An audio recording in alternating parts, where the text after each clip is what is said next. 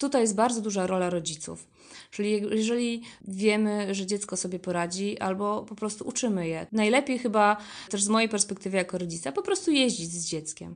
Jeździć z dzieckiem na krótkie wycieczki, na dalsze wycieczki, poruszać się z nim w tym ruchu ulicznym, poruszać się z nim w okolicy szkoły, do której miałoby dojeżdżać, zwracać uwagę na niebezpieczeństwa, które, które powinien znać, w którym miejscu powinien zachować szczególną ostrożność to jest taki chyba najbardziej naturalny sposób.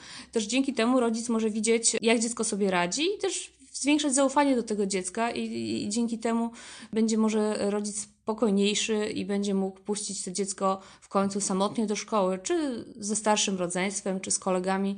Będzie miał pewność, że dziecko sobie po prostu rowerowo poradzi w mieście. Też rozmawialiśmy dziś o infrastrukturze i chyba jednak tam, gdzie wytyczona jest ścieżka rowerowa czy chodnik, którym dziecko może bezpiecznie na rowerze dojechać, lżej jednak na sercu e, puścić takie dziecko. No na przykład drogą, która ma na trasie jakiś niebezpieczny odcinek, no to jednak no troszeczkę się powstrzymujemy przed e, takim dotarciem dziecka do szkoły. Tak, ja też e, zachęcam, żebyśmy szukali alternatywnych dróg dojazdu do szkoły.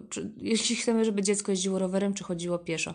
Często jest tak, że jeżeli sami poruszamy się samochodem, to ta trasa, którą przebywamy samochodem, wydaje nam się taką najbardziej oczywistą i optymalną, bo po prostu ją znamy. Natomiast może się okazać, że są trasy, które być może są troszkę dłuższe, ale są spokojniejsze, bezpieczniejsze, na których jest mniejszy ruch samochodowy i tą trasą może dziecko do szkoły bezpieczniej dojechać, tak? Bo, bo na przykład tamtędy właśnie nie dojeżdżają y, kierowcy odwożący dzieci do szkoły, tylko właśnie tam, tamtymi trasami mogą sobie bezpieczniej dojechać dzieci. I ja zachęcam, żeby takich tras szukać, właśnie może właśnie podczas wspólnych wycieczek y, z dziećmi i te trasy dzieciom pokazywać. Kask ochraniaczem w co w takim razie wyposażyć naszą pociechę przed wyruszeniem w trasę? No tutaj y, zdania są podzielone, natomiast faktycznie Powiem tak, no, moje dzieci jeżdżą w kasku, natomiast e, tutaj to jest decyzja każdego rodzica. Prawo w Polsce nie nakazuje dzieciom noszenia kasku, natomiast to tak jak, jak się rozejrzymy, no to jednak, jednak większość dzieci w, kasku, w kaskach chyba jeździ, bo rzeczywiście e, możemy mieć wrażenie, że ta, ta, głowa jest najbardziej narażona na upadek.